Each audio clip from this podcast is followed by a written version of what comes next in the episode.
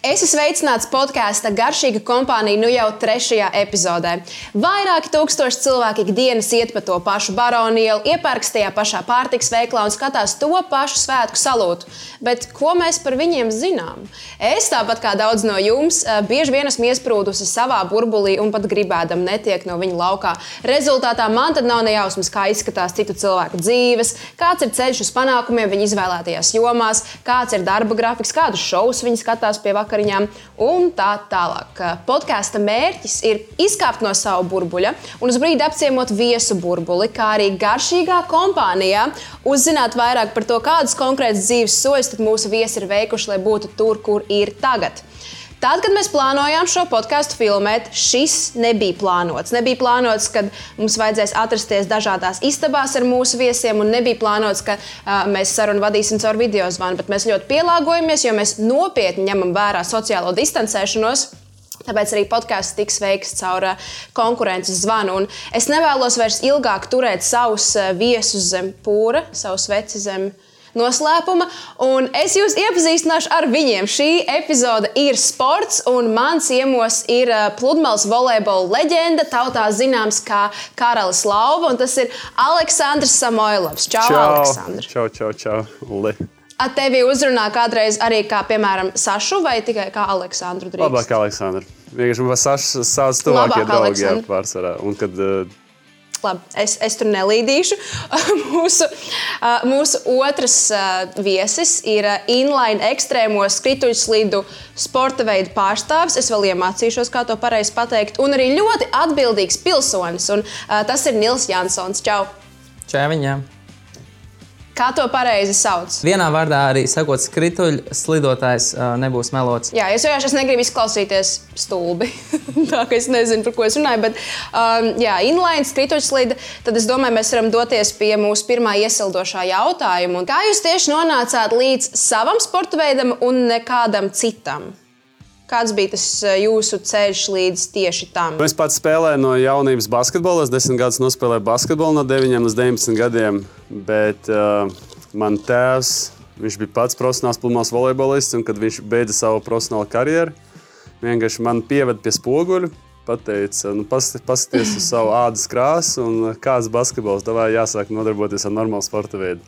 Un tā es sāku no 16 gadiem apvienot sākumā divus sporta veidus. Man bija uh, vasarā pludmales volejbols. Visu, nu, visu vasaru pavadīju pludmalē. Un tad eh, ziemā, kad mācījos skolā, tad, protams, bija treniņi un uh, jaunas basketbola līga. Bija basketbols. Kā tu uzreiz zināji, ka pludmales volejbols caur jā, jā, viņš pats spēlēja. Viņš pats spēlēja, viņ, viņš uh, daudzkārtais Latvijas čempions, viņš ārzemēs spēlēja Spānijā divus gadus.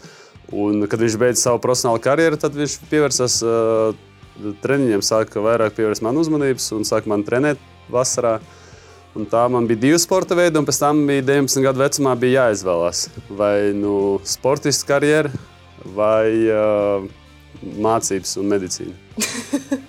nu, laikam tā izvēle nebija nepareizā, skatoties to, kur tu esi tagad.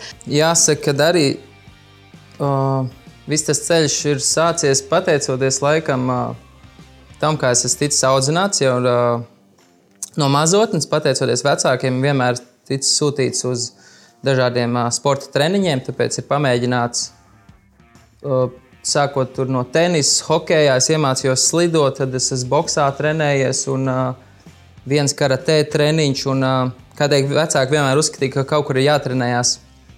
Un tad man bija vecākais brālis, kurš, es pieļauju, skatoties televīzijā, atklāja šo sporta veidu, atgriežoties pie sākuma var saukt par freestyle skrituļslidošanu. Tas ir uh, ar skrituļslidām kājās. Uh, tu veic dažādus trikus, bez, palielam, bez robežām, vai tas ir skateparkos, vai tas ir pilsētas ielās. Un, uh, tad man brālis atklāja to sporta veidu, un es uzreiz biju līdzi brālim, darot to, ko viņš darīja. Un, laikam tas, kas man visvairāk uzrunāja, ir cik krasi atšķirīgs viņš bija no jebkura cita sporta veida. Jo visi treniņi notika bez treneru klātbūtnes, bez konkrētas kaut kādas arēnas vai vai stingriem noteikumiem. Viss bija tā, ka tev kājās ir skrituļslīdes un uh, bezmazliet ej atklāja pasauli. Un, uh, laikam, tas man visvairāk uzrunāja, kad bija tas brīvais režīms, kas, uh, kas, jā, kas kādam varbūt, varbūt grūti, ka tev nav kas tev motivē, bet man bija mans vecākais brālis un viņam ļoti patika. Un man tas arī uzreiz iepatikās. Tur bija viss, tur bija adrenalīns, akcents un uh, Tad tev nebija tā, ka tu zini, ka tu gribi ekstrēmo sportu, bet tu nevari izdomāt, vai tas būs inline, vai tas būs skateboards, vai tas būs BMX. Tu vienkārši kaut kā uzreiz dabīgi sāki ar skrituļslidām. Ja? Jā, tā tas bija. Tas, es teiktu, tas sporta veids atrada mani, jo pirms tam man bija jāspēlē golfs. Man vecāki, gan man tēvs, gan man māsa spēlē golfu. Man māsa ir profesionāla golfera. Un tad vienmēr man vēl... Es arī esmu golfu spēlējusi. Jā, nu, es arī, un man vienmēr mm -hmm. stumta golfa virzienā, bet tas laikam nebija dabiski kaut kā man. Tagad es to novērtēju, ka man ir bijusi iespēja izmēģināt tik daudz sporta veidus, varbūt uh, tas bija lielisks pamats, lai es teikt, varētu labi, labi nodarboties ar skrituļu slidošanu. Un, un, un tāpēc es esmu vienmēr pateicīgs vecākiem un brālim, kad uh, man vienmēr bijis tas sports bērnībā, un es esmu atradzis skrituļu slidošanu, to savējo. Es vēlējos pajautāt, vai jums ir bijis tā, ka jums ir jāziedo sava jaunība sportam, un vai ir bijuši laiki, kad jums liekas, ka jūs visu laižat garām, jo jūs esat sportisti? Nu, man tā bija, jā, piemēram. Pa... Es neatceros nevienu vasaru, kad es varēju iet pārgājienā ar draugiem vai sēdēt ārā. Man liekas, ka tur viss spēlē pēc skolas, visi iet tur uh, tusē un iet ārā, pastaigāties. Man liekas, oh, cik tas ir krūti bet man katru dienu ir uh, treniņš vai vismaz vai divi treniņi, kad bija divi sporta veidi. Un, uh, Ar to man tajā brīdī likās, ka, ai, cik tas ir slikti, cik tas ir grūti, kāpēc es nevaru kā pārējie sēdēt, spēlēt datoru un nezinu, iet ar draugiem spēlēt ārā ģitāru. Bet uh, paiet gadiem, es vienkārši sapratu, cik es biju laimīgs bērns, ka man bija visu laiku nodarbības. Un tagad runājot ar tiem pašiem draugiem, ar kuriem es draudzējos jau kopš skolas, kuri gāja pēc skolas tur tusēt. Un, tagad, dzirdot viņas stāstu, sapratu, cik man bija aktīva un um, daudzpusīga dzīve. Man ir prieks dzirdēt, ka tu tagad novērtē visu to, ko tas ieguldījis. Tas ir baigi forši. Jo īstenībā pareizi vien ir. Man liekas, tie cilvēki, kas nosēž to laiku mājās pie datora, viņi bieži vien arī neko no tā neiegūst. Tie, kas nekļūst par e-sportistiem. Un, uh, Nīl, tev bija šī savādāk, tāpēc, ka tavs sporta veids ir vairāk tā ar draugiem, ka jūs viens otru arī motivējat un atbalstat, un tur ir tās emocijas un tas kopā pavadītais laiks ar draugiem ārā. Varbūt tev pat tā nebija. Jā, Kā tāpēc tev? es, es domāju, man ir diezgan pretēji. Nu, jā, jo mans sporta veids ir tāds diezgan cieša uh, komūna un kultūra, kad, uh, ka viss nav tikai tas, ko mēs darām uz skrituļsnā. Mums līdzi nāk, uh, ka tev ir tas līdzīgi domājošais bariņš, kādu jūs mūziku klausāties.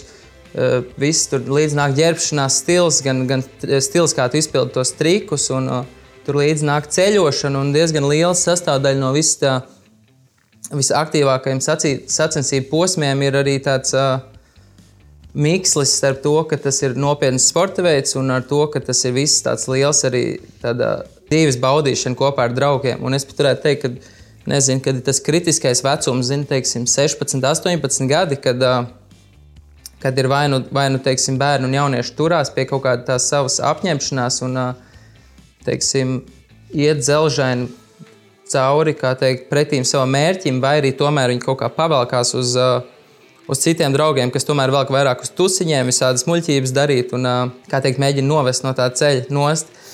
Un es kaut kā tur esmu veiksmīgi tā izbalansējis, un pēc tam arī nezinu, pats apjauts to, ka ir nu, tāds skaidrāks ceļš, ka jāiet uz kaut kādu mērķu un panākumiem.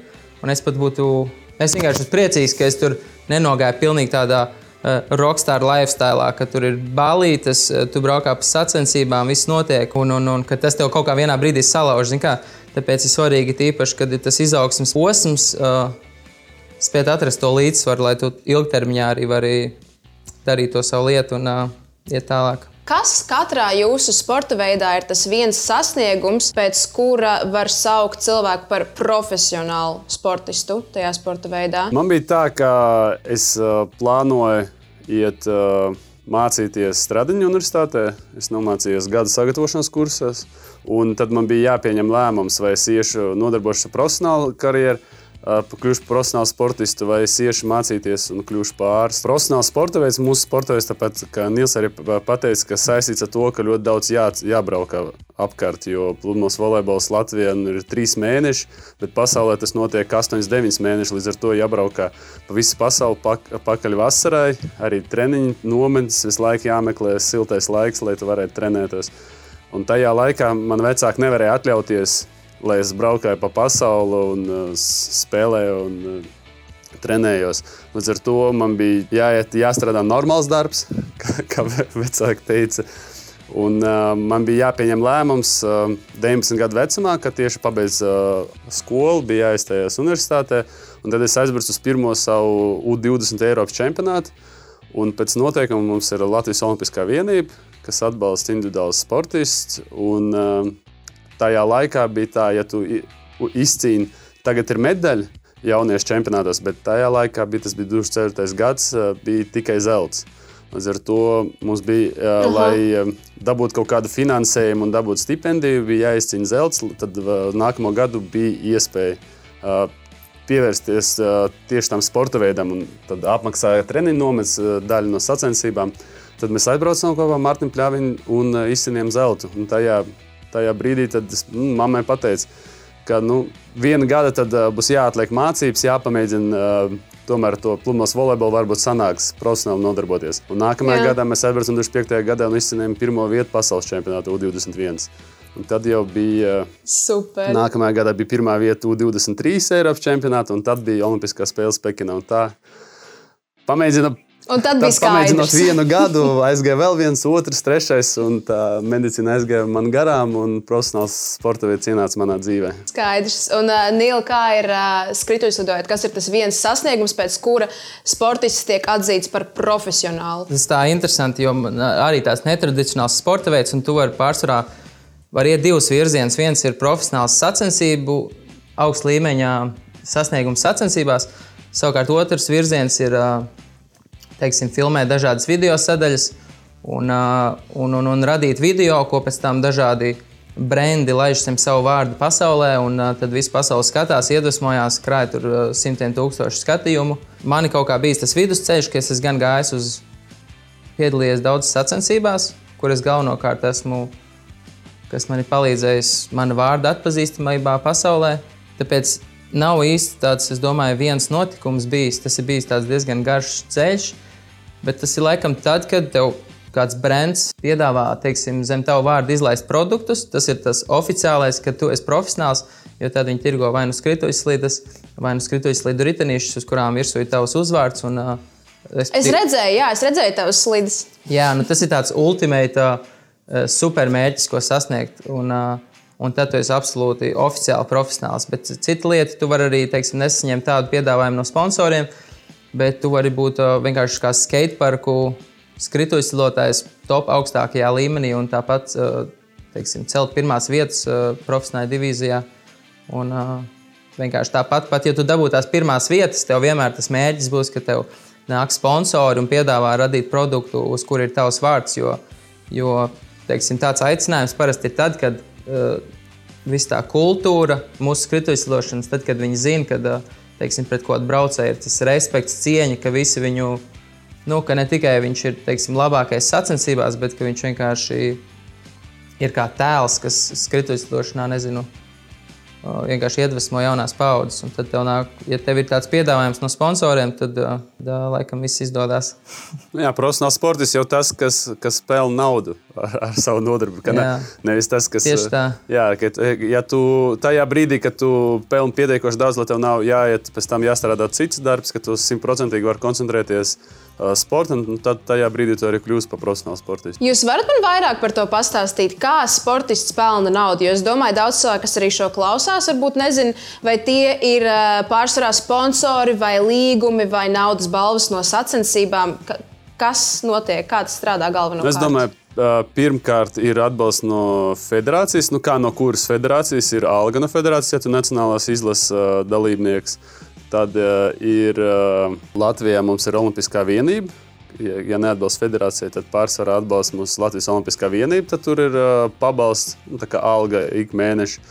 Tad ir balvu fonds komerces sacensībās.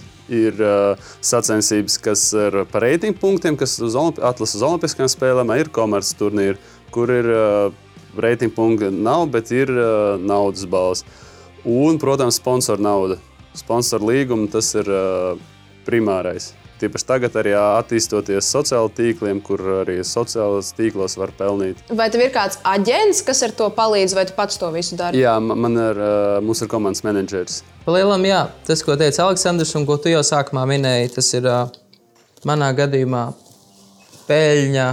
Varētu nākt no balvu fonda sacensībās, kas parasti jau ir zināms, mm -hmm. teiksim, dodoties uz sacensībām, to apmēram nojaut, ko tur var izcelt. Tā kā ja tu esi tāds ar sacensības garu, man teiksim, tāds nedaudz pārgājis periods. Man tas bija tādā visaktīvākais, teiksim, kad man bija kādi 20 gadi. Tas ir pirms septiņiem gadiem atpakaļ, kad es burtiski vasarā man pagāja katra nedēļas nogale, bija citas sacensības, kurās es gāju uz pilnīgu maksimumu.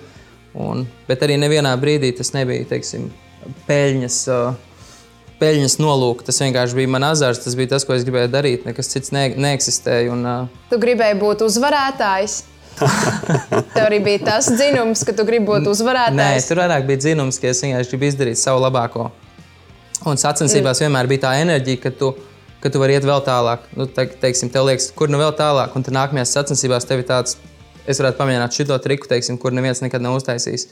Un tad sacensībās vienkārši ir tā enerģija, kad, kad tev liekas, ka. Uh, aiziet uz pilnu banku, vai nu tev izdosies, nu, vai, nu tu, vai nu tu nokritīs. Par kādām summām mēs runājam? Piemēram, sacensības, kurās tu esi piedalījies, piedalījies neobligāti varbūt uzvarējis, kur ir bijis lielākais naudas uh, apbalvojums. Tā kā mans sporta veids ir tāds nedaudz, ja 90. gados viņš bija super mainstream, visās televīzijās, Amerikā arī redzēt, tad viņš ir aizgājis tādā nedaudz undergroundā, bet uh, un, teiksim, tādā ziņā, ka tāpēc uh, komerciālās sadarbības un, uh, ir nedaudz mazāk. Un tās summas ar sacensībā ir, ne, ir nedaudz mazākas. Februārī es pa otro vietu dabūju 1000 eiro aptuveni. Kas ir, nu, ir tāds foršs bonus. Ja tu katru nedēļu piedalies sacensībās, tad ir, tad ir fini. Bet uh, lielākie ir bijuši, nezinu, kaut kādi, uh, ko personīgi es neesmu iegūmis, bet teiksim, kādi 20, 30, 40 tūkstoši pa pirmo vietu, bet tā ir tie tādi reti gadījumi. Es vēlējos jums pajautāt, eh, ko jūs paši uzskatāt par savu lielāko sasniegumu? Par sportu runājot, 2013. gadā. Uh, decembrī pēdējā turnīrā mums bija Dienvidāfrikā, Durbanā. Mums bija cīņa ar Brazīliem par pirmo vietu uh, pasaules kopvērtējumā, un tur bija par to, kurš turnīrā tiks tālāk. Tas arī izcīnīs pirmo vietu kopvērtējumā. Es ļoti tuvu biju reitingu punktu. Uh, Un tad mēs tikamies ar viņiem pusfinālā. Un tad tā, to turnīru mēs uzvarējām. Un tad gadā mēs pirmo reizi izcīnījām pirmo vietu pasaules reitingu kopvērtējumā. Tas bija uzskatu, tas lielākais jā, panākums. Esmu ļoti daudz redzējis tevi pa televizoru spēlēm. Man ļoti patīk skatīties, bet es parasti Paldies. nezinu īsti, ko es skatos un kas tas ir par turnīru. Bet, bet man patīk skatīties. tas pats svarīgākais. Tāds augstākais sasniegums arī sacensības 2013. gadā, arī, oh. kas bija tāds pilnīgs highlights. Es uzvarēju sacensības Winter Clash, kas notiek Nīderlandē. Tas ir, teiksim, prestižākās iekštelpu skateparku sacensības pasaulē. Tas bija tāds maksimāls highlights, kad es vēl biju tādā pārējais posmā no amatieru uz profesionālu, un tad pēc, pēc tā, teiksim, tās uzvaras tad arī nāca dažādi piedāvājumi no sponsoriem, radīt tieši tos produktus, ko es minēju ar savu vārdu virsū. Un, un, un daudz dažādu braucienu, uzreiz pavērās citas durvis, ceļojumi. Un, Tas bija tāds rīktīgs highlights. Man bija kaut kādi 20, 21 gads, kad tev bija tāds pilnīgs, arī tāds nedaudz pārtīm mauts. Ieslēdzies, jūs daudz esat pieminējuši ceļošanu, un es arī pēc jūsu Instagram profiliem redzu, ka jūs ceļojat daudz vairāk nekā kaut kādas Instagram modelis. Es vēlējos pajautāt jums, cik daudz jūs esat prom un cik daudz jūs esat mājās? Vai nesanāk tā, ka jūs esat prom vairāk nekā jūs esat mājās? Un Kā vispār ģimene ar to tiek galā? Jā, man tā bija. Es tieši pirms uh, vajadzēja uh, gada pārskats nodot. Es taisīju gada pārskatu, un tad uh, viss uh, komandējuma brauciens lika iekšā. Un tad uh, pierreiz uzreiz sareicināja, cik, uh, cik dienas es biju prom. Man pagājušajā gadā sanāca 232 dienas, es biju prom ārpus Latvijas. Tā ir lielākā daļa gada. Jā, jā. divas trešdaļas. Un tad sanāk, nu, tiešām daudz. Pagājušajā gadā bija sēžu lidojumi. Un, uh, protams, tas valsts, tas wow. valsts praktiski vienmēr ir viens tas pats, jo sacensības notiek vairākus gadus nu, vienas tās pašās pilsētās. Līdz ar to tu braukā daudz, bet uh, brauc katru gadu uz tiem pašiem turnīriem, uz, pašiem, uh, uz tām pašām vietām. Līdz ar to Valsts ziņā tu, tu brauc daudz, bet katru gadu uz tām pašām līdz ar to tikai atvaļinājumos. Vai, piemēram, manā gadījumā ir arī es vadu tādu projektu Beachbox Camps, es vadu nometnes, pludmales volejbolu. Un uh, tad parasti es izvēlos uh, virzienus tur, kur es neesmu bijis. Tad es neesmu bijis Taizemē. Pagājušajā gadā mēs aizbraucām uz Taizemi. Es neesmu bijis Kubā. Šogad mēs aizbraucām uz Kubu. Līdz ar to tas vietas vairāk taisa. Mans labākais draugs saka, man patīk tavs darbs. Kad es sēdēju pie globus un skatījos, kur es gribu nākamo nometni aizvest. Un, protams, vis, visgrūtākais ir, to man ir divi dēli, līdz ar to prom būt no ģimenes. Tas ir visgrūtākais. Bet kā ģimene ar to tiek galā, viņa jau atbalsta. Jūs gan jau sazvanāties visu laiku un tā? Nu, kad es iepazinos ar savu sievu, tad uh, viņi jau, es biju savā primā, un līdz ar to viņi jau sastapās ar to, ka no pirmām dienām, kad uh, es slēdzu esmu prom, mēs, uh, mēs iepazināmies 2. janvārī. Mūsu pirmais randiņš bija 1. septembrī, jo tie, tieši sākās man nometnes un uh, turnīri. Es slēdzu biju prom un mēs, uh, jā, mēs kā, katru mēnesi mēģinājām, mēģinājām pielāgot abus divus mūsu grafikus, jo viņi, viņi nav no Rīgas un līdz ar to. Uh, Es saku, vai tas uh, bija, bija nepieciešams astoņi mēneši, lai mēs uh, satiktos, jo tas grafiks jā, tiešām vasarā tāds aktīvs. Tad viņi uzreiz jau zināja, uz ko viņi parakstās. Jā, viņi, viņi zināja, uz ko viņi parakstās. Bet reiz jūs esat tāds dzīves piemērs, ka jūs varat jebkam likt strādāt attiecībās. Nu, jā, bet nu, kā jebkura sieviete arī vienmēr cer, ka. Nu, Pēc kāzām tas viss mainīsies, un ka vīrietis ir mainījies. Neviens nekas nemainās, un cilvēki nemainās. Līdz ar to tagad, protams, nu, gan jā. Tagad viņi var uz pensiju cerēt, ka tad tu būsi mājās. Gan jau atradīšu vēl kaut ko citu. Tas ceļošanas ritms diezgan līdzīgs ir. Teiksim, vasarā aizvadītā bija diezgan braucienos, un varbūt ik pa laikam biju nezinu, uz kādām piecām dienām mājās, un tad atkal uz kādu nedēļu, desmit dienām ir, ir teiksim, brauciens, vai mēs braucam filmēt kādu projektu, vai tās ir sacensības, vai arī nometnes Spānijā. Diezgan regulāra ceļošana ir ir vienkārši sastāvdaļa, teiksim, tā, ja tu esi profesionālā līmenī, manā sporta veidā. Un, un man liekas, tas ir uh, viena no tām lieliskajām, kā teikt, viena no visforšākajām tieši daļām no manas sporta veida, ka man ir iespēja braukt, katru reizi satikt jaunus draugus. Uh, Tur līdz nāk jaunas kultūras vietas. Es redzu, kur es gribu atgriezties. Teiksim, ja es neesmu kopā ar draugu, tad es zinu, kur es gribu atvest savu draugu un kur es gribu atgriezties Jā. nākamreiz. Un, uh, Un runājot par tādu draugu ceļo līdzi. Kā kur reizi, jā. Citreiz atbrauc arī līdzi uz sacensībām, bet pārsvarā, kad ir braucieni, tad es viņus tā nemiksēju tik ļoti ar, ar attiecībām. Un tur ģimeni tas ir vairāk, tad es esmu ar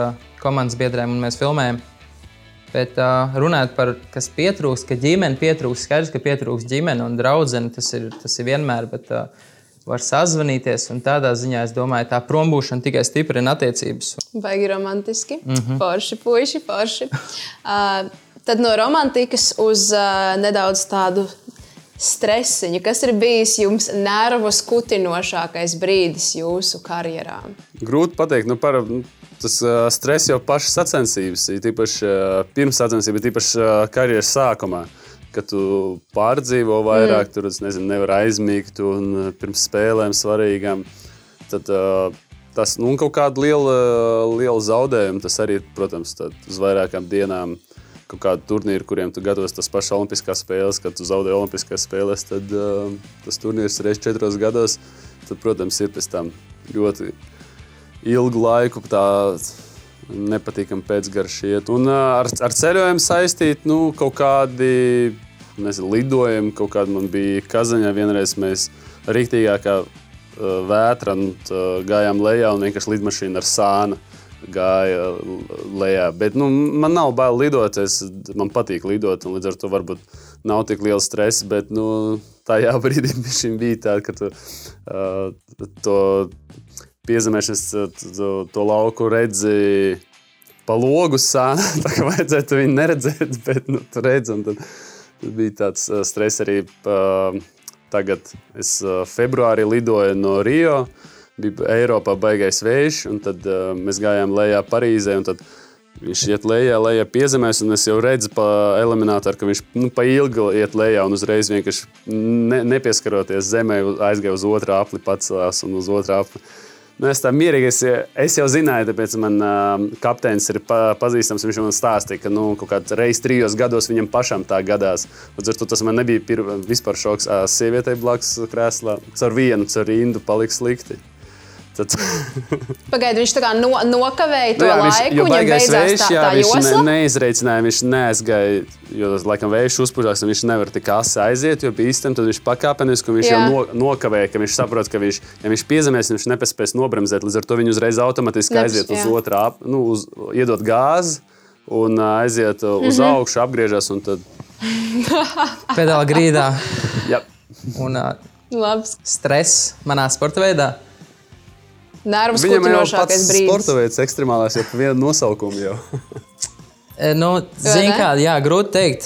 Ne, ne stress, protams, tur visu laiku nāk kaut kāds baiļu faktors iekšā, ka tu mēģini kaut kādus trikus, kur, kur tev pēc saprāta tu saproti, ka tur ir kaut kāds riska faktors. Bet tā, laikam, tā ir visa tā, tā būtība, ka tur ir, tu izvērtē savas spējas, tu apzinājies situāciju, un tad, kad tu tiec pār tām bailēm, tad jau tu atkal esi tad, tad, tad, tad tu esi brīvs, tu noķer atkal to kaifu, kāpēc vispār tu to dari. Un, un, bet tāds uh, kutinošs nervus, nu, vienmēr jā, izpildīt tādus bīstamus trikus, jau vienmēr kutina nervus. Un, teiksim, slaidot tur pa kaut kādu trūku, kur otrā pusē tur trīs stāvu mājas augstuma vienkārši teiksim, kritiens, tukšums. Bet cik kā ja tu apzinājies savas spējas, tu zini, ko tu dari.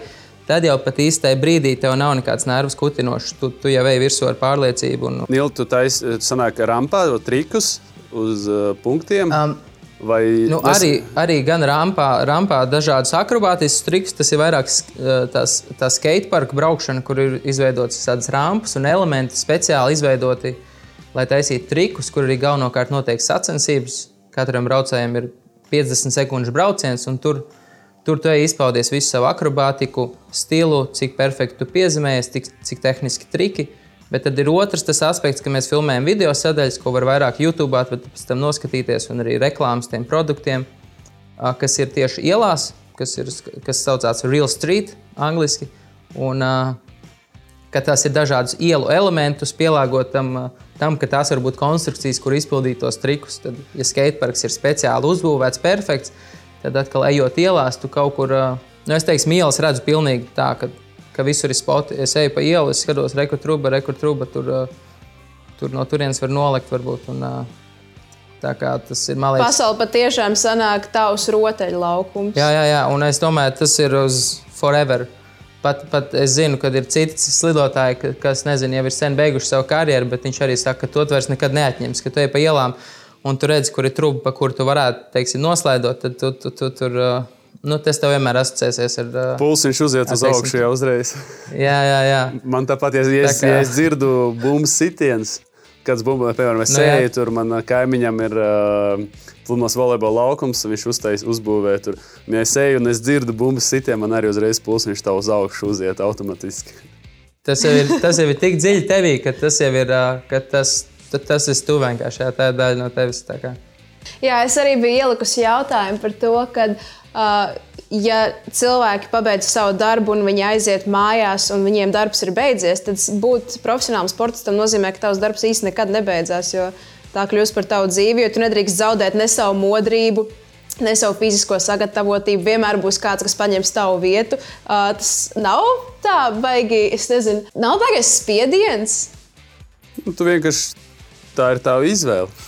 Tu vienkārši izvēlējies, tu vari uh, var ēst uh, visu, ko tu gribi, ne dzert uh, kaut kādu saldus dzērienus, ēst saldums, dzert alkoholu, iet tusēt. Bet nu, tā ir tava izvēle, tu, tev jāapzinās, ka tu nebūsi tik labs, ja kāds tu varētu būt, ja tu to visu nedarītu, nēst. Un, uh, no tā, cik tu esi stingrs pret sevi, ēšanas ziņā, režīmu ziņā Uh, tad no tā būs atkarīgs arī tavs, jā, jā, tieši tā.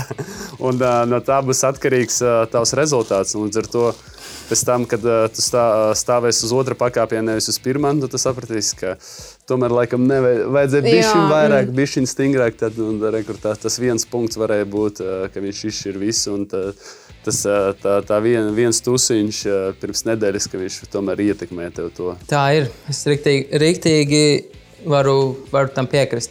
katram jau ir izvēle. Tu jau vari. Jā, jā man tēvs vienmēr mācīja no paša, no paša sākuma, nu, no bērnības, kad mēs trenējamies. Viņš teica, ja tu gribi kaut ko dzīvē sasniegt, tad vienmēr, nu, ne, tikai sportā, jebkurā sfērā, viņš saka, tev jābūt, tev nevar būt dzīvē tādai pašai, kā tavam apkārtējiem, taviem draugiem.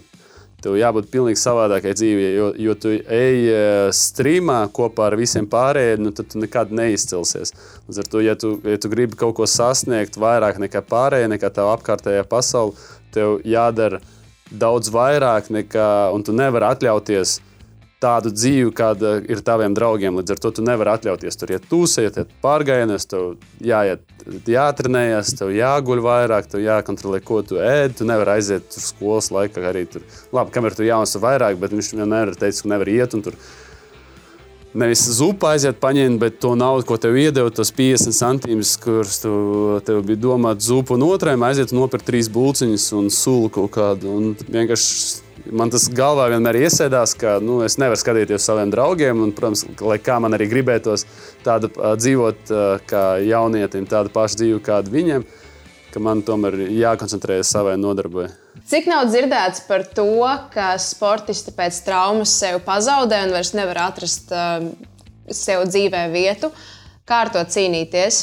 Jā, diezgan aktuāls temats tās traumas. Un, uh, Man personīgi ir bijušas pāris smagas traumas, un, kas ir pat bijuši tādi vislielākie pagrieziena punkti, lai es teiksim, pamainītu ne tikai sportā, kā es, kā es pieeju uh, ar kādu teiksim, apziņu, bet vispār visā dzīvē, kas man ir arī turpmāk palīdzējis uh, teiksim, veiksmīgāk sportot. Tas viss ir tieši veselīgāku dzīvesveidu, sākt piekopt un uh, vairāk rūpēties par savu ķermeni. Katra trauma tev atgādina, cik trausls tu esi. Un, uh, Un, un, un tas ir viens, viens burtiski mirklis, kad tu zaudē nezinu, kaut kādu modrību, un, un, un tad arī nāk trauma. Kā, um, ir, protams, bijuši tādi, tādi depresīvāki laiki, kā teiksim, ceļa trauma. Man ir uz kaut kādiem astoņiem mēnešiem vienkārši nolikusi malā. Ja tev visu dienu no rīta līdz vakaram vienīgais, ko tu zini, ko tu gribi darīt un kas eksistē, ir skrituļslīdes, tad pēkšņi vienā dienā kā tev vienkārši noliek malā, hei, nē, šis vairs, šis vairs nav, šito tu vairs nevari padarīt. Un, un tas ir tāds grūts laiks, jā, vai nu tas tev rīktīgi salauž, vai nu, ja tu tiec cauri, tad es domāju, tikai stiprāks tu iznāc laukā. Un, man kaut kā, nezinu, tā mīlestība pret sportu ir uh, tieši to, ko es daru. Skrituļslām ir bijusi tik liela, ka, uh, lai vai kas ir ar mani noticies, es vienkārši darīšu, kā, kā jau pirms tam teicām, ir izvēle. Un vienkārši tu vari vai nu, vai nu tur vaidēt un, un sēdēt, kad vairs tur tik labs nebūs, vai nu darīt visu iespējamo, lai, nu, lai vienkārši pārbaudītu, kur tu atkal vari nokļūt. Un, jā. tā kā jā, tās traumas ir bijušas tādas lielas mācības stundas, pēc kurām tu vienkārši vari daudz mācīties un vēl stiprāks, kā teikt, atgriezties atpakaļ gan mentāli, gan, gan fiziski. Es domāju, ka parastam cilvēkam arī jebkura slimība mēs nekad nedomājam par to, cik ir labi, ka tu esi vesels. Un tajā brīdī, kad tu saslimsti, tu sēdi mājās un tu saproti, cik bija krūti, kad tu biji vesels un cik ir slikti slimot. Līdz ar to arī ar traumu, arī sportistam, kad, eh, kā Nils arī pateica, pats sliktākais, ja tev ierobežo to savu. Tavu, jo sports, profesionāls sportistam, tā ir eh, nevis daļa no dzīves, tā ir dzīve. Viss, un vispārējais ir daļa no tavas sportiskās dzīves, jo vispārējo dzīvi tu pielāgo savai sportiskai dzīvei. Un ar to, ka tu vienkārši tajā brīdī to pazaudē, vai vis, tas tiek ierobežots, tu nevari to darīt simtprocentīgi. Tad, protams, nu, grūti gan arī emocionāli, gan arī fiziski, jo to ķermenis prasa to aktivitāti un uh, to nodarbi. Bet, uh, kā arī pareizi Nils pateica, man bija identiski. Man, uh, tā, tas traumas, viņas uh, tev. Uh, tāds pārdomu laiks arī, un tad tu pavisam citu pieeja pēc tam savam treniņu procesam, arī sacensību vairāk novērtē un arī trenējies. Ja, lai cik man daudz tur nestāstītu, kamēr es biju jauns par dziļiem muskuļiem, cik svarīgi tas trenēt, to visu trenēt un nostiprināt. Kamēr es nedabūju traumu līdz uh, tam brīdim, un pats nesaprotu, ah, tiešām jā, tu, jātaisa tos dziļus muskuļus, jānostiprina viss aicis un uh, ceļus, muguru. Visu, un, līdz ar to pavisam savādāk pēc tam jau arī uh, sācis trenēties. Tagad jūs savos treniņos iekļaujat arī pilates. Ja? Jā, nu ne tik daudz, bet nu, es eju uz uh, pilates, nu vairāk joga. Un tas vairāk man domāt, mm -hmm. uh, domāt stretchingam. Es laiku pa laikam savā treniņu procesā izmantoju visādas tādas nianses. Uh, piemēram, es gāju uz uh, gāju aerobikas nodarbībām kopā nu, zālē, kad man vienkārši vajadzēja taisīt kaut kādas uh, aerobas treniņus, bet man ļoti nepatīk tajā laikā skriet. Un tad es domāju, ko, ko lai darītu. Tad es Jā. gāju uz aerobikas uh, stundu, tur kopā ar meitenēm lēkāju un sāku iet uz jogu. Jo stretchings nu, tiešām vajadzīgs pašam garlaicīgi taisīt to, bet ar pasniedzēju kopā, ka tev viss iztiek tiešām savādāk. Un ko jūs tad iesakāt tiem cilvēkiem, kuriem, teiksim, ir tā trauma, ka viss, viņi vairs nevar sportot, kā viņiem sevi nepazaudēt? Pašiem savā dzīvē. Tur ir atkarīgs no cik ilga trauma, kā cik nopietna trauma. Nu, viss, viss, viss. Tāda trauma, ka, nu, viss, ka tu vairs nevari pats sportot. Diezgan briesmīgs scenārijs. Padomā. Bet tā ir realitāte. Nē, nu skaidrs. Eh, notiek visādi, jā, un skaidrs. Nu, tāpēc arī teiksim, tagad vīrus jau mums ir parādījis, ka vienkārši nekas tev nav patstāvīgs un nekas tev nav zem tavas kontrolas simtprocentīgi katru dienu. Nu, un visu laiku var notikt uh, kaut kas, kas tev nezinu, jebko atņem. Tas ir tāds briesmīgs scenārijs, ko tu saki, protams, jā. Un, un, uh, bet, nu, ko darīt? Nu, jāiet tālāk, jāpielāgojas laikam, kā vienmēr. Un, Tā ir to, kas tavos spēkos. Kaut ko jau vienmēr var darīt. Nu, es uzskatu, ka tāpēc obligāti eh, es arī piedalījos vienā pētījumā par tā saucamo duālo karjeru. Kā lielākā, piemēram, NBA 90% sportists, kas beidz savu karjeru, 90% bankrotē pēc pieciem gadiem. Un, mm -hmm. Līdz ar to tā lielākā problēma, ka vienkārši nav izglītības.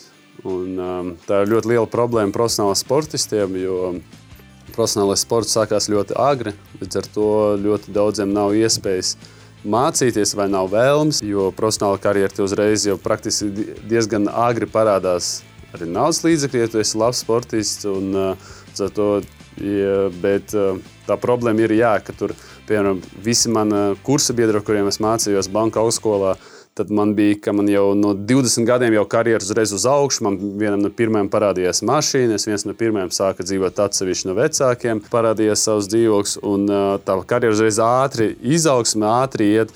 Bet visiem maniem Kursabiedram ļoti pakāpeniski, pakāpeniski tas izaugsmes, karjeras izaugsmes iet. Un, piemēram, 40 gados, kad man beigsies profesionāla karjera, tad sanāk, man bija uz augšu, un tad pilnīgi uz leju, un tad pilnīgi no sākuma jāsāk savu, savu dzīvi, savu karjeru. Un, uh, bet visiem maniem kursabiedriem, viņiem jau uz top 40 gadu, viņi sasniegs jau top, li, top management līmenis vai savas kompānijas un um, valdes līmenis. Līdz ar to nu, tā ir tā liela problēma arī emocionāli profesionāli sportistiem, jo to pa lielam tā, tā ierastā dzīve beidzās, un tev jāsaka pavisam cita jauna dzīve, un uh, ne visi tam ir gatavi. Un, līdz ar to ļoti daudz krīzes profesionāliem sportistiem tieši pēc 40 gadiem kad beidz savu karjeru. Man tagad pāris jautājumu tieši tev, Aleksandra. Ir tā. Paspēlēsim ping-pongu. Kā izskatās Olimpiskās spēles no sportista puses? Kur jūs liekat gulēt, kā jūs baro, un vai ir balītas tā kā Eirovīzijā? Es nezinu, kā es neesmu bijis Eirovīzijā, par to man grūti pateikt.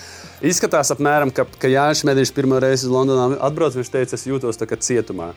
Jo ir uh, Olimpiskais ciematiņš. Viņš ir norobežots. Nevienu no ārpus bez akreditācijas nelaiž iekšā. Līdz ar to tur tikai sportisti, volunteeri, un brīvprātīgie un treneri, medicīniskā personāls. Tad jūs ejat iekšā. Olimpiskajā ciematiņā ir mājas. Bišķiņa atšķirās katrā, bet pārsvarā tā, ka to Olimpisko ciematu uzbūvē no jauna un izskatās apmēram tā kā mik jauns mikrorajons. Tajā mikrorajonā ir uh, daudz stāvu mājas, kur visi dzīvo. Uh, sadalās tur pa valstīm, atkarībā no cik liela delegācija, daudz stāvu mājas, kas vēlāk tas, tos visus. Uh, tas mājas, viņas, nu, tur dzīvokļi iekšā, un tas dzīvoklis pēc tam pārdot, nu, parastā, parastais mikrorajons paliek. Iekšā Olimpiskajā ciematiņā ir īslaicīgs uzbūvēts milzīgs angārs, kurā ir 24 stundas diennaktī ēšana. Tur ir virtuves no sākot no sushi, Azijas, Itālijas virtuve, tur ir McDonald's, tur ir vis, visādi saldumi, kā tu vari izvēlēties. Tur viss, visādi augļi, kādus tu tikai vari izvēlēties. Tur ir gaļas, zivs. Nu, pilnīgi viss, ko tu izvēlējies. Un līdz ar to, ka tu atnāc, pirmā dienā liekas, wow, otrajā wow, trešajā wow, ceturtajā tu jau nezini, ko ēst. Un uh, parasti tur 5. un 6. dienā Olimpiskās spēles parasti viņš viņa ātrāk viss atbrauc. Tu esi kaut kādas divas, pus, trīs nedēļas tur, un tu vienkārši tu beigās jau aizēji. Un, piemēram, Pekinā mēs to Beijing Duck katru dienu ēdam, un uh, viens tos pašus cepums, un viens to pašu vienkārši, jo viss ir. Mēs vienmēr sakām, būtu labi, ja tu sākumā atnesi tur trīs augļus, tad tu spēj nākamajā dienā trīs augļus. Tad, kad viss ir, nu, tad apmēram tāpat kā arī uz lielveikalu. Jūs ejat apmēram nu, viens tos pašus produktus pēr, uh, pērciet visu laiku. Un, kaut arī lielveikals ir milzīgs, līdz ar to arī šeit. Tu apmēram vienu to pašu ēdi. Tad tajā Olimpiskajā ciematiņā ir uh, ļoti liela trenižera zāle kur sportists no nu, visām sporta veidiem tur trenējas. Pārsvarā tur ir arī baseins, tad tur ir izklaides uh, angārs. Parasti tur bija biljārds, pingpongs, uh, kaut kādas datorspēles. Ar, uh, Vēl kaut kādas visādas aktivitātes, un, protams, uh, tie sponsori, kas tur, piemēram, ir uh, Olimpisko spēļu Samsungs, nu, vēl kaut kādas tur, viņi arī kaut kādas jaunas, modernas tehnoloģijas, tur kaut kādas 3D, tur ķiberi bija Rio, es atceros. Uh, un 4D visāds tur eh, izklaides. Un tad ir uh, autobus, kas ir uh, autobusu parks, kur ir apmēram Rio bija kas, uh, 40 uh, dažādi autobusu numuri. Un, uh, iekāpjot tajā autobusā, viņš tev aizved uz tavu vietu, kur, tu, kur tev notiek sacensības. Piemēram, mums tur pludmales volejbols ir pludmalē, tad tur futbolists savu futbola stadionu, tur nu, atkarībā no tā, kur tev ir tas tavs sporta objekts, tad viņš tev aizved ar to autobusu. Izejot no autobusa, tu uzreiz nokļūsti, viņš iebrauc iekšā tajā teritorijā, kur ir sacensību vieta, arī uzreiz aiz žoga, un ar to tu tiesi tur iekšā, neviens iekšā izņemot bez akreditācijas tur netiec. Līdz ar to pārsvarā Jā. tas visas trīs nedēļas tu pavadi vai no Olimpiskais ciemats, vai no tavs, uh, sac, vai tavs sacensību vieta, kas norobežota ar žogu, un Olimpiskais ciemats norobežots ar žogu, un neviens netiek tur iekšā. Līdz ar to nu, tāda ir sajūta, ka tev ir divas vietas, kur tu visu laiku pavadi uh, trīs nedēļas. Un tu vari tikt ārā, bet neviens nevar tur tikt iekšā. Piemēram, ja tur draugi man atbrauc. Uh, kad bija Londonā draugi atbrauc tur paskatīties, pafanot, viņi nekur netiek tajā objektā iekšā. Līdz ar to, ja es gribu viņiem satiekties, man jāiet ārā no. Olimpiska, no piemēram, Olimpiskā ciematiņa, un tad ar viņiem var tur kaut kas satiekties. Bet runājot ar, par tusiņiem, protams, tusiņš sākās, kad beidzās sacensības. Daudzas, tīpaši lielas, lielas delegācijas, ir piemēram, liela delegācija, bet dažiem sportistiem jau pirmā dienā beidzās sacensības. Piemēram, viņam tur viņam, viņam Aha. starts, viņ, viņ, viņš kaut kā, nu, nu labi, varbūt pirmajā dienā nē, bet kaut arī man liekas, jau pirmā, pirmajā medaļas kompleksā tiek izspēlēta jau pirmajā dienā. Tur pirmajā, otrajā, pirmajā dienā viņam ir atlases brauciens, tur pusfināls, un nākamajā dienā viņam fināla brauciens, viņš, viņš izcīnīja medaļu, un, protams, viņam. Olimpiskā, Olimpiskās spēles vēl ies divas nedēļas, un viņš jau, viņam sacensības jau beidzās, un, protams, viņš jau tādā eiforijā. Jā, un vēl Olimpiskajā ciematiņā uz katras stūra stāv uh, tādas kastītes ar uh, prezervatīviem, jo klīst tādas uh, daudz stāstu un viss, ka cilvēki ar ļoti lielu testosteronu līmeni un uh, atbrauc no visas pasaules, tie cilvēki samaisās un visi. Jau, nu, jā. visi jauni, atletiski, skaisti ar uh, smuku ķermeņa uzbūvi. Un, uh, ar to klīst, wow. klīst baumas, jā, ka tur uh, iet traki olimpiskā, kā teikt, jaunatne rodas pēc tam. Jā. ļoti interesants stāsts par tām olimpiskajām spēlēm. Es varētu tik ilgi vēl klausīties, bet man ir jāiet uz priekšu. Vai tev jebkad ir nācies iet uz laukuma galīgi slimam? Un ko tu dari tādā situācijā? Tu minēji, ka citreiz pirms spēlēm nevar pagulēt. Ja tev ir kaut kāda gripa, ko tu vari darīt? Pirmkārt, tev jāiemācās sev noskaņot, ka tu nedrīkst slimot. Un, uh, es nezinu, kā citi sporta veids Nils varētu pateikt, piemēram, mūsu plūmos volejbolā, ka kad septembrī, oktobrī beidzās sezona, 70% sportisti saslimo. Jo tu sevi visu laiku turi maksimālā iespēja robežās, un uh, tu visu laiku tur sev tā noskaņojama, ka tu nedrīkst slimot. Ka tas ietekmēs savu sportu, un tu gatavojies, un nevari tur svarīgajā sanācībā vienkārši saslimot, un tu to emocionāli tu sev noskaņo, un tad tu neslimo.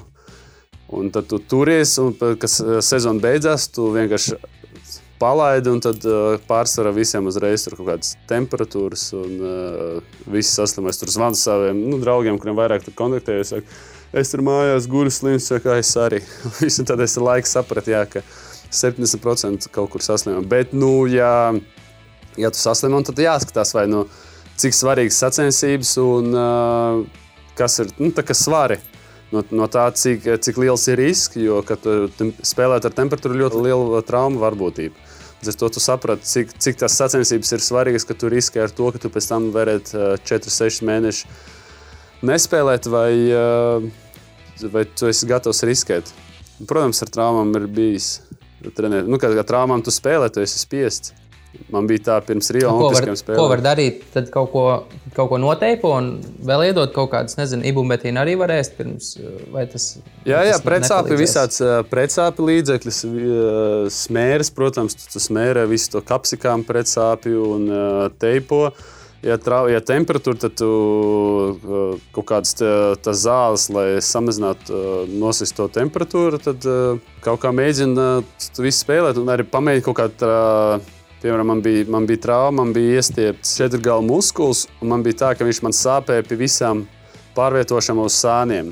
Un ar to mēs vienkārši vienojāmies, ka nu, līdz ar to aizsardzībā spēlēt, es nevarēju uz sāniem pārvietot, man sāpēja. Tad mēs vienojāmies, ka mēs spēlējam sacensībās, ja Jānis, ka es visu laiku spēlēju blokā, lai man nav jāpārvietojas uz sāniem, lai man tikai ir lecieni uz augšu un skrējiens uz tīklu uz priekšu. Jā, jābūt kreatīvam. Ir. Es pieņemu, ka tev ir ļoti daudz medaļas mājās. Vai tev nav bijusi doma visas izkausēt un sākt rotas lietu biznesu? Tur jau nav zelta. Viņas ir uz... nav jau viņas zelta. Olimpija tikai olimpiskajā zelta medaļā, man liekas, tur 8% no zelta. Zelta apzeltīta. Un tas ir tikai olimpisks. es zinu, ka tas jā, vairāk ir. Tas bija tāds joka jautājums, bet uh, kur stāv visas? Tev ir medaļas, tam tēvam ir medaļas, jums ir kaut kāds ģimenes muzejs. Mēs jau atsevišķi jau sen dzīvojam, un uh, man ir pagaidām savs individuāls. Man Instagramā es tieši nesen liku, var apsīties, man liekas, Uh, pirms diviem. Tieši īstais laiks man bija uh, visu sakārtot, jo man tas medaļas arī tur stāvēja čupā vienā, un tie kausi stāv Protams, kad uh, tīrīt nu, tos putekļus ir visgrūtākais. Visam katru reizi, kad apkopēju, viņi prasīja, vajag tos kausus tīrīt, jo tur aizņem stundu kaut kā ar visus tos putekļus not, notīrīt. Un tieši bija tagad īstais laiks viss. Uh, Notīrīt tos putekļus un akurāt visu salikt. Es tam Instagramā Samuēlas var apskatīties. Es paskatīšos. Nils, atgriežamies pie tevis! Es vēlēju tev pajautāt, tu sevi uzskati par traku? Labs jautājums. Uh, es nezinu, nē. Trakam ir daudz un dažādas izpausmes. Jā, es nezinu. Es uzskatu, ka ir, ka ir traki varbūt uh, sēdēt oficiālā no 9 rītā līdz 5. Taisnība, tas ir arī diezgan jā, traki. Ļoti labs domu gājiens. Daudz ko var darīt laukā, un tu tikai sēdi un paiet vienu dienu un vēl vienu. Bet uh, traks, uh, es ceru, jā, ka es esmu traks kaut kādā ziņā. Atgriežoties pie tā, Es varu papildināt par to, ka Nils pateica par Office. Kad es, man bija 20 gadi, es mācījos banka augstskolā, un otrajā kursā mums bija praksa bankā. Janvāra, februāra tieši es varēju iziet praksi, jo biju brīvs no sacensībām. Un tad es divus mēnešus strādāju bankā, un tas bija, uh, bija divi drausmīgākie mēneši manā dzīvē. Tad es tajā brīdī es sapratu, man maksimāli labi jāspēlē, lai man nekad nav jāstrādā oficiālā. Eh, līdz ar to tā man bija tie divi mēneši oficiālā, man bija labākā motivācija manai sportiskajai karjerai. Divi traki mēneši. Ja kāds jaunietis Latvijā skatās uz tevi un grib darīt to pašu, kur viņam doties? Viņam vienkārši jāsāk aiziet, Viņam ir jāatbūt kritus līdz un jāiemācās, jāiemācās to darīt. Bet uh, vispār ir Rīgā ir Zespot centrs. Tur arī Es darbojos inline skolā Straume, kur var jaunie braucēji nākt un uh, tieši šai freestyle ievirzienā mācīties trikus un mācīties slidot. Tas ir sport centrs un uh, tur ir, tur ir uh, inline skoliņa. Un, uh, ja grib sākt, es saku, aiziet, iedvesmojies YouTube, Instagram un, un, un, un slido. Ja tiešām gribās, tad aiziet. Pastāsti, kā notiek skrituļošanas sacensības, vai par kādiem konkrētiem trikiem ir konkrēti punkti, un kā var nu, noskaidrot, kurš ir pats labākais, jo katram ir savs stils, tu teici, katram ir savs vaibiņš, tu izdomā mm -hmm. kādus trikus pats no jauna. Kā var noskaidrot uzvarētāju, kā tas strādā? Nu, tāpēc tās oficiālās sacensības ir tādas nedaudz uh, nu, ne līdz galam tā sporta būtība. Ja sports ir oriģināli radies ielās, kā ielu kultūra, ka tev ir. Ka tev ir savs bāriņš, sava komūna, teiksim, tie savi spoti, kur jūs katrs izpaužat sevi. Tieši tāpēc tas sporta veids ir tik unikāls, ka, ka tev nav jāmēģina būt kā kādam citam tev ir pilnīgi tieši tavs stils, tu vari izpildīt jebkuru triku, bet ar savu pieeju brīvu. Sacensības notiek tā, ka, protams, ir, ir žūrija, kas ir kādi 3 līdz 5 pieredzējuši braucēji vai izbijuši braucēji vai, teiksim, leģendāri braucēji.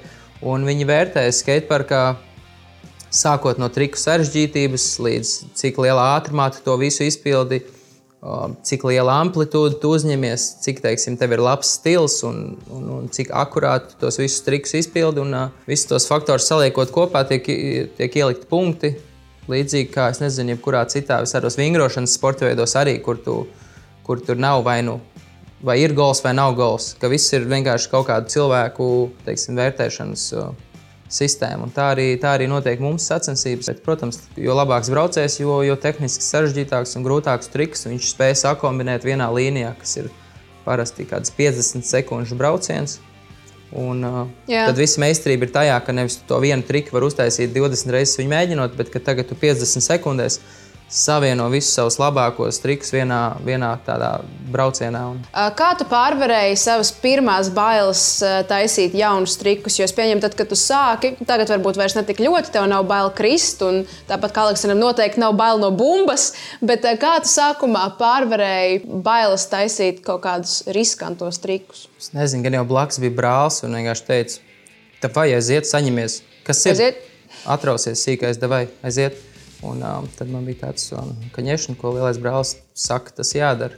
A tev ir kādreiz bijis tā, ka tu izdomā taisīt kaut kādu triku, kuru tev nevajadzētu? Nu, kad, es nezinu, ka tas ieņēmis galvā, ka tu to vari izdarīt, bet tas ir nenormāli bīstami un tev obligāti nevajadzētu to darīt, un tu tāpat tās to dari vai esi mēģinājis? Nu, visdrīzāk tad, kad tu satraumē sevi, tad tu nāc pie tādas atklāsmes. Un tad ar vien vairāk, ar vien vairāk centies izvairīties no tādas, vispār nokļūt tādā situācijā. Tāpēc vairāk traumas man noteikti bija teiksim, manā attīstības posmā no 10 gadu vecuma līdz, līdz 20 gadiem, kad es tikai pārbaudīju savas robežas un teiksim, ar apziņu tik daudz nedomāju līdzi, kur ir kāds risks. Es vienkārši bezmazliet metu sevi eksper, kā tādu eksperimentu, kas ir iespējams, un, un, un vienkārši daudz ko pārbaudīju daudz ko jaunu atklāju, daudz jaunus trikus veiksmīgi izpildīju, bet, protams, daudz arī satraumējos un nokritu. Bet, bet tā kā tu saki, ka tu tagad stāvi un tev šis triks ir jāizpild, un tev iekšējā balss ir, oh, jā, tu tā nokritīs, tu novelsies pēc tam trepēm, un tad tev tāds nekas, kas jādara, jādara. Tad tā īsti nav. Nē. Jūs netaisiet, parasti... jūs netaisiet tā kā vingrotāju uz matričiem, sākam ar triks nemēģināt? Arī tagad, agrāk tas tik ļoti nebija. Tā kā tas bija tāds ielu kultūra, zin, kā viss bija stilīgi, tur lietot aizsargus, taču nebija stilīgi un nebija stilīgi, nebija stilīgi dzīvot veselīgi. Un, un ar ciberbraukt, jā. jā, nebija stilīgi trenēties, tā kā, nu, sausie treniņi, zin, tas nav stilīgi, šis ir, šis ir lifestyle, tev tur ir jāuzpīpē cigareti, jāiedzer aliņš un tad jāuztais tie grūtie triki. Nevis, kad, bet tas viss arī ir pagājis un uh, mainās. Un, tagad ir matrači, tagad ir tramplīni, ir dažādi tramplīni, kas tev ir tu lido pa gaisu, un tad tu piesmējies vienkārši tādos lielos pūšļos, kur tu, kur tu vari tieši tā soli pa solim tos jaunos trikus iemācīties. Ja agrāk tas bija vienkārši aiziet uz betonu, tev pirmais mēģinājums ir. Tad tagad tu arī teiksim, mīkstumos to pamēģināt un saprast, ok, šitam es vēl neesmu gatavs. Kāds pirmais tad agrāk, tad, tad agrāk tev bija caur rīktīgām sāpēm ah, nē, šis vēl, vēl nav mans. Tev nesen iznāca filma Mind Your Step, un es viņu arī vakardien noskatījos. Uh, filmā tu esi ar savu komandu aizbraucis uz Taizemi un uh, tiek rādīti tev piedzīvojumi un dažādi triki. Es vēlējos tevi uzteikt par to, ka Pirmkārt, man liekas, tu lauzi stereotipus par uh, ekstrēmā sporta veidu piekritējiem, ka viņi tikai šķirās un vizinās. Tā kā tu tikko pieminēji par to, ka tev ir jābūt krūtam un tas ir lifestyle un tev ir jāpīpē UTTT. Uh, man liekas, baigi forši, bet es vēl redzēju to, ka tu ieraudzīji, ka Bankoka ir riktīgi piesārņota un tev uzreiz bija tas klikšķis. Ah, es uztaisīšu mītingu ar uh, vietējo dabas fondu un skatīšos, ko es varu tam darīt. Tu esi visur dzīvē tāds. Um, darītājs, ka tu redzi problēmu un ah, es viņu tagad gribu risināt. Nu, jā, filma gan mums jau pirms gada iznāca. 19. gada aprīlī piedzīvoja pirmizrādi, un, un, un tagad viņa YouTube manā kanālā var nostīties kopā ar visādiem citiem interesantiem, jau jaunākiem projektiem. Kas saucās kanāls? Bet, uh, uh, vienkārši Nils Jansons. Tas ir mans YouTube kanāls, kur arī tagad, īpaši šai laikā, es mēģinu nedaudz teikt, tādu aktivitāti tur ieturēt, jo es domāju, ir īstais laiks, lai radītu citu veidu saturu, ar kurus var iedvesmot. Un, līdzīgi tieši bija šo taizemes projektu. Ar filmu, ko radīja Kaspars Alksnis, ka tur aizbraucot, teiksim, filmēt jaunu projektu, mēs doma galvenā bija ar pievienoto vērtību, ka mēs ne tikai esam skrituļslotāji, darot savu lietu, bet ka mēs arī esam cilvēki, teikt, kas ar savu piemēru var iedvesmot teiksim, citu, visu to skrituļslošanas kultūru, teiksim, dzīvot labāk un dzīvot vidē draudzīgāk. Tāpēc tā filma bija, tur mēs tieši runājam par to briesmīgo plasmas piesārņojumu, kas ir Āzijā, un cik teiksim, atšķirīga ir vispār cilvēku mentalitāte un teiksim, tāda izpratne par piesārņojumu dabas teiksim, tur. Tā parasti es neesmu tāds ekstrēms vidas aktīvists vai es neesmu tāds ekstrēms. Uh, vegāns. Es pārtieku no augļu sugas tur dienu dienā, bet uh, vairāk es esmu kā tāds dzīves piemērs saviem sekotājiem. Un, uh, ne tā, ka es zelšaini mēģinu kādam, kādu pārliecināt, bet es vairāk uh, pats ar savām izvēlēm atbalstu vai nu vienu vai kaut ko citu, vai tam, tam, kam es ticu, vai tam, kam es neticu, tad attiecīgi vienkārši cenšos būt uh, labs piemērs, labs paraugs nākamajām paudzēm. Jo par to, par to teikt, neveselīgo dzīvesveidu jau arī tas var būt uz kādu brīdi, bet ilgtermiņā jau tas tev visdrīzāk salauzīs. Un, un, ja es gribu teiksim, slidot ar skrituļu slidām, arī tā, ka man būs 60 vai 70 gadi, protams, ja ne profesionāli, tad skaidrs, ka man jāsāk rūpēties par savu veselību. Tāpēc to jau es tagad teiksim, mēģinu jaunajām paudzēm rādīt, ka hei, tas, tas nav īsti. Nav īsti krūta būt neveselīgam, slimot katru gadu un būt izlam. Un, um, To visu var mainīt. Tev draugu kompānijas nāk arī ir tādi veselīgi dzīvesveidi piekritēji, vai viņiem tomēr patīk balēties un šķirīties? um, kā kuri? Uh, tie, ar tiem, ar kuriem es tā biežāk uh, komunicēju kopā, Protams, tas jau, jau pievelc tādus līdzīgi domājušus cilvēkus, un uh, skrituļus došana arī ir, ir, ir daudz profesionālu braucēju, kas ir, uh, kas ir jā, vairāk par tādu apziņotību, jo mūsu arī sporta veids ir tik ļoti krasi atšķirīgs no kaut kāda ierastā un tāda rutīnas darba. Brīžam daudz ir tāda hipiskāka pieeja uz dzīvi, kad, uh, jā. kad mazāk dusmas, mazāk stresu, hei, vairāk tur ir man arī draugi, gan vegetārieši, gan vegāni, gan tādi, kas kas saprot vidas piesārņojuma lietas un arī to savos kanālos, teiksim, propagandē. Sludina. Nu, sludina, nu, neteiksim, sludina, tas nav tas foršākais vārds. Bet... Bet, mm. uh, bet atbalsts vienkārši rāda, kam, kā viņi dzīvo. Jā. Un, un, un vienkārši labs piemērs. Labi, es domāju, mēs varam ievirzīties uz tādu atsildīšanās noti pēc kārtīga runāšanas mača. Kas ir jūsu mīļākās kafejnīcas Rīgā? Man suši patīk. Un tā mīļākā vieta, kur tos baudīt? Tāds restorāns Tērbatas ielā Kod. Zinu, kā ar tevi Nils. Reiz man nāca prātā Stars Coffee, kur ir brīnišķīga kafija var nobaudīt. Mans draugs arī viņu pats grauzdē. Un, uh, super augstas kvalitātes kafija, arī ļoti garšīga virtuve. Kā jau teicu, izvēlos augu valsts uzturu, tāpēc uh, tāds restorāns kā terapija, kur var ļoti garšīgi pāriest. Vienalga, vai tu ēd gaļu vai nē, gaļu, tur vienmēr vienkārši būs mega garšīgi kūks un viss pārējais. Un, uh, Arī Āzijas virtuve ļoti garšo. Kas ir tā īpašība cilvēkos, kas jūs visvairāk atbaida? Iedomība, augstprātība, kaut kas tāds. Man uh, atbaida cilvēki, kas stāv uz vietas. Tie, kuri stagnē savā attīstībā. Ja es runāju par uh, arī karjeras izaugsmē, sevis attīstību un uh, attiecību attīstību. Un, uh, tie cilvēki, kas stāv uz vietas, jo uh, stāvot uz vietas, tu jau automātiski ej atpakaļ. Mūsdienā. Ļoti labs teikums. Tu nepateici, es man liekas, to Čērčils pateica, vai Orans Buffets to pateica. Kas ir jūsu mīļākā dziesma latviešu valodā? Man ļoti patīk balēm neguļam.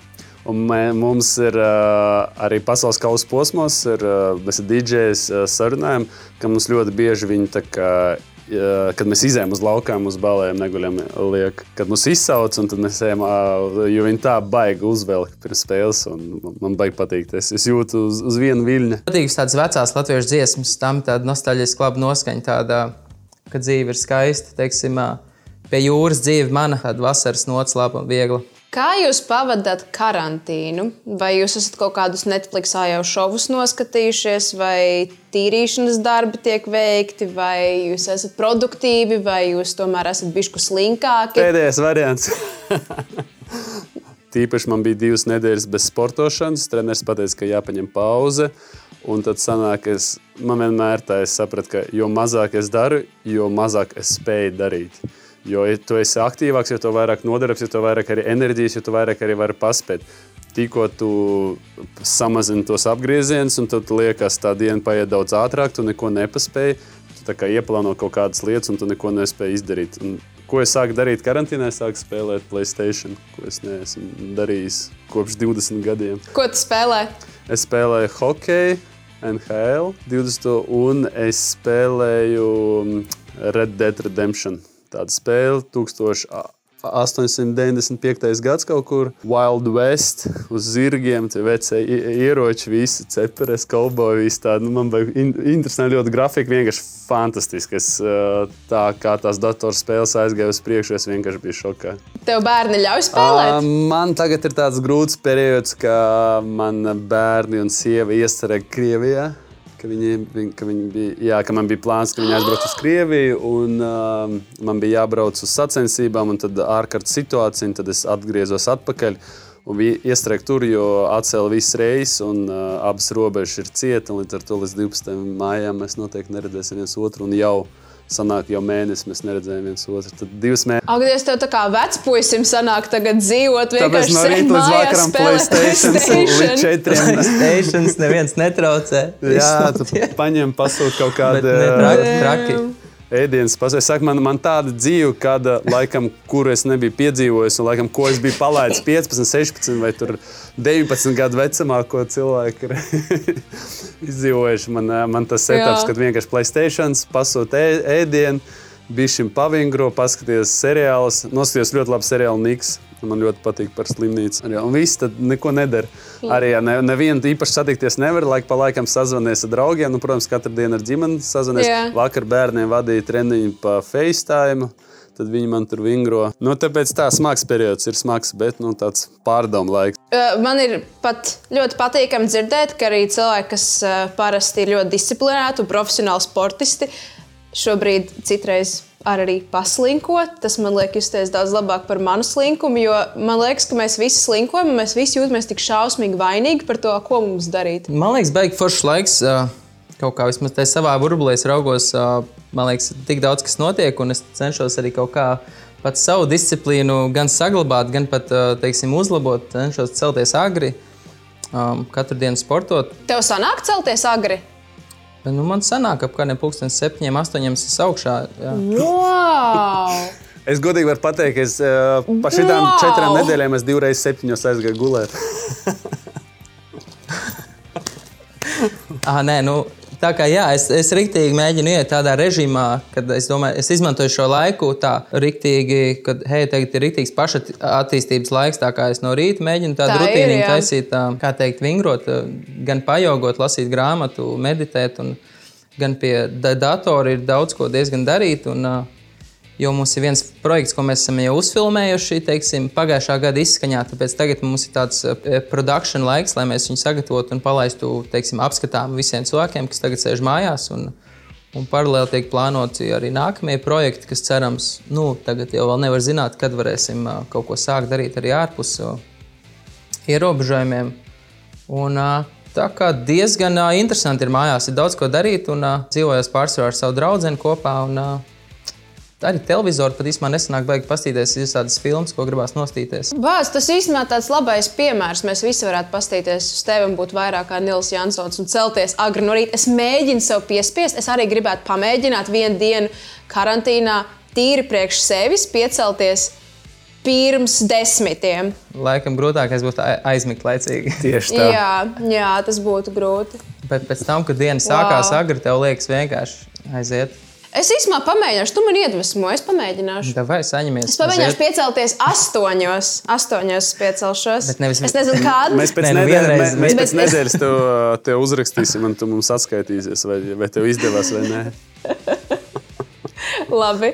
Uh, paldies jums, Puiši, par sarunu. Bija nenormāli forši. Es īstenībā varētu ar jums daudz vairāk sēdēt un runāt, un es daudz jautājumiem arī pārskrēju pāri, jo jūs ļoti saturīgi devāt savas atbildes. Uh, man ļoti patika. Paldies. Jūs varat uh, cilvēkiem nezinu, pateikt šobrīd, ka viņi var palikt mājās un ka mēs visi turamies. Un, un pateikt savus atvadvārdus. Jā, esiet, esiet prātīgi, palieciet mājās. Un, uh, Es teiktu, izmantojiet laiku liederīgi un pavadiet to ar saviem mīļajiem, jā, cik, cik vien iespējams. Jā, es gribētu noteikti, nu, kā es nezinu par to palikšanu mājās, jo es tieši ieteiktu cilvēkiem sportot svaigā gaisā, bet, protams, noteikti di distancēties no pārējiem cilvēkiem.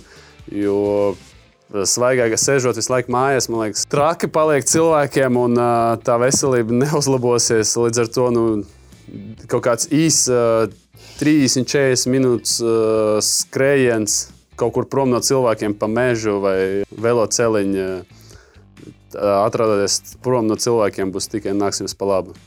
Galvenais ir sportot šajā laikā, jo pie leduskapa noteikti visi sežot mājās, pieiet piecreiz vairāk nekā parasti.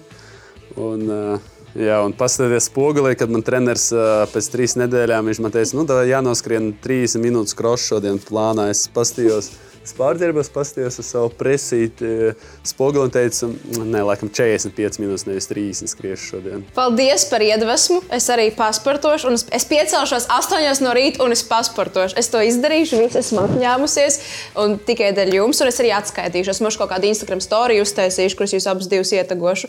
Milzīgs paldies jums par sarunu!